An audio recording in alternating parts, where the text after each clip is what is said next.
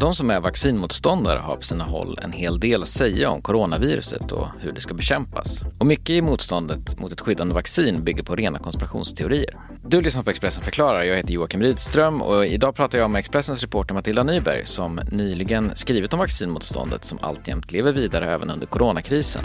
Bland annat fick Matilda, när hon utgav sig för att vara en person som är skeptisk till coronavaccin, förklarat för sig i ett mejl att citat, vi inte alls har någon pandemi. Du vet säkert att scenerna som visas i tv är riggade och att sjukhusen är tomma. Jag frågar Matilda vem det är som hävdat detta. Det var Linda Karlström. Hon är en av de mest kända vaccinmotståndarna i hela Norden kan man säga faktiskt. Hon bor i Finland, driver en vaccinkritisk eh, sajt hon kallar sig själv för offentlig vaccinmotståndare. Hon har varit med i det här gamet ganska länge och hon har haft en hel del föreläsningar i både Sverige och Finland om detta och hon har också ställt upp i debatter i tv, skrivit tidningsartiklar och sådär fram till för ett par år sedan. Hon eh, ja, helt enkelt slutade medverka i media överhuvudtaget och nu är hon väldigt svår att att få tag på kan man säga. Ja, för att när du väl frågade henne om hon ville ställa upp på riktig intervju, då sa hon bara nej. Exakt. Hon eh, kallar ju etablerade medier för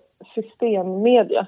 Och hon menar att Expressen och andra stora tidningar och tv-program att vi ljuger när vi får vidare information från myndigheter om då den här coronapandemin bland annat. Så att, eh, hon var ju väldigt bestämd med att hon absolut inte ville prata med, med mig. Men att WHO då klassar det här som en pandemi och att vi i mediebevakningen och i, ja, i människors egna berättelser för den delen också kunnat se och höra om coronaviruset och dess väldigt dödliga påverkan. Vad menar man att allt det där då är? Att, är det en lögn orkestrerad av vem? Det beror lite på hur djupt nere i, i det här vaccinmotståndet som man är. Vissa säger att coronaviruset existerar och att det sprids och att det är eh, i viss mån skadligt för människan men man motsätter sig ett framtida vaccin eh, som man menar det ska vara skadligt. Och sen är det liksom en glidande skala eh, fram till att, ja, den då mest extrema åsikten som jag har stött på där man menar att, ja, som Linda då skriver, att hela pandemin är en en lögn och att det här är en stor konspiration eh, där myndigheter och regeringar över hela världen tillsammans med en så kallad global elit, sagt med sådana här citationstecken, att de liksom tillsammans har skapat detta för att kunna sälja eh, ett vaccin väldigt dyrt eh, i sinom tid. Och det är inte helt ovanligt i konspirationsteorikretsar att vaccinmotståndare skyller på någon slags stor, eh, väldigt diffus eh, global världsordning som styr hela planeten och som styr det här viruset. Och eh, en vanlig figur, eller figur, en vanlig person som återkommer i de här konspirationsteorikretsarna när det handlar om just vaccin, eh, det är Bill Gates. Han har ju varit engagerad i vaccinfrågan men i den, eh, den bemärkelsen att han vill att det ska vara tillgängligt för människor över hela världen. Och eh, då har han blivit en galjonsfigur för de här vaccinmotståndarna och de säger då att han tjänar pengar på detta och eh, är en del av den här stora världskonspirationsteorin. Det är inte helt lätt att förstå alla gånger för det är väldigt diffust och ganska komplicerat och eh, väldigt ofta helt ologiskt. Men om man istället då bryter ner lite grann på någon form av lite mer handgriplig nivå. Vad innebär det rent generellt att vara en vaccinmotståndare? Vilka är liksom de vanligaste argumenten man använder mot vaccinering? En vaccinmotståndare är en person som inte vaccinerar sig själva eller sina barn. Det är väl eh, den liksom tydligaste beskrivningen. Sen finns det också där en, en glidande skala. Eh, när jag pratade med Folkhälsomyndigheten och eh, chefen för deras vaccinationsprogram som heter Adam Roth så säger han att i Sverige så finns det en grov uppskattning men ungefär 20% som är eh, tveksamma till vaccin men som ändå vaccinerar sig. Man kanske kommer in eh, med sitt barn och ska ta de här vaccinen men så säger man att ah, men det känns eh, osäkert och jag förstår inte riktigt vad det här innebär. Jag är orolig att jag ska göra någonting som skadar mitt barn.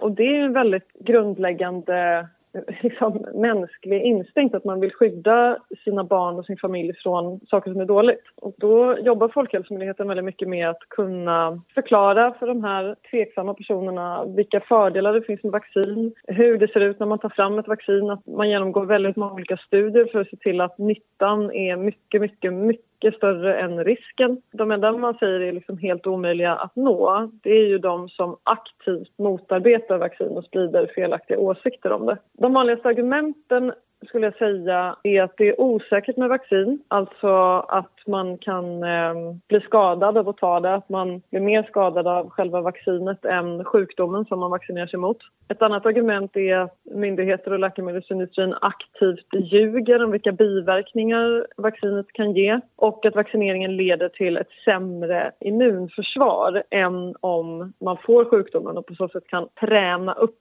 också inom citationstecken, sitt immunförsvar. Allt det här är ju argument som Folkhälsomyndigheten och andra myndigheter runt om i världen bemöter kontinuerligt. Så att man kan liksom aldrig heller vara säker på att nu är vi klara, nu kommer alla vaccinera sig, nu är det färdigt. Ett annat återkommande argument är att tvångsvaccinering skulle leda till att man har sämre eh, immunförsvar som kan hantera en influensa eller ett influensavirus, till exempel covid-19. Men det här är, stämmer liksom inte. Ofta tar man upp Italien som ett exempel om man säger att väldigt många människor har dött och att det skulle bero på att man har infört en obligatorisk vaccinering. Det var det att den obligatoriska vaccineringen sker på barn. Den infördes för några år sedan och eh, de som blir väldigt, väldigt sjuka och till och med avlider av coronaviruset det är ju gamla personer. Så det är ganska enkelt vissa gånger att se de här argumenten och att syna dem, att de inte stämmer helt enkelt. Men är vaccinmotståndet också en del i en större propagandaspridning? Och hur ser den propagandaspridningen i sådant fall ut? Ja, det är den ofta. Det finns en tankesmedja som heter Fri Värld som har gjort en rapport som kom ganska nyligen som handlar om just coronaviruset och desinformation. En som har jobbat med den är Henrik Sundbom och han säger att vaccinmotstånd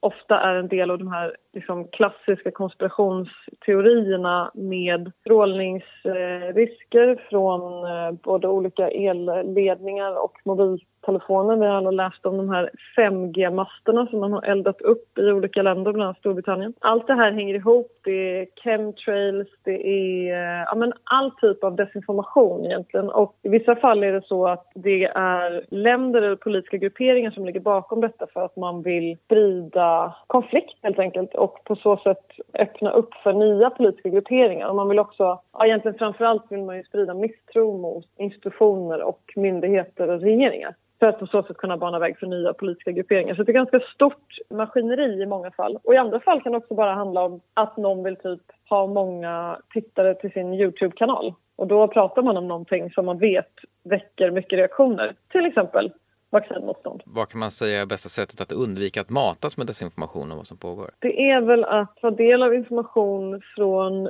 myndigheter och etablerade medier, de vanliga källkritiska grundreglerna. Vem har skrivit detta? Vad tjänar de på att jag läser det här? Och att se till att man är informerad eh, och fatta egna välgrundade beslut utifrån den informationen som du du tar till dig. Folkhälsomyndigheten i Sverige jobbar extremt mycket med frågor om vaccination. De är väldigt medvetna om att man inte kan luta sig tillbaka bara för att en stor del av befolkningen vaccinerar sig nu. Det där kan svänga väldigt, väldigt snabbt. Och en pandemi som den som pågår nu gör att de här frågorna hamnar på agendan, gör att fler människor nås av den här desinformationen. Så att, eh, ja, det, det är viktigt att se till att den informationen som man tar del av är korrekt. Du har lyssnat på Expressen förklarar, en podd där vi i varje avsnitt fördjupar en aktuell grej i nyhetsflödet. Och just eh, källkritik och vikten av att hitta trovärdiga nyhetsförmedlare har vi tagit upp även i tidigare avsnitt där jag pratade med journalisten Jack Werner. Avsnittet heter Vad är fake news om corona?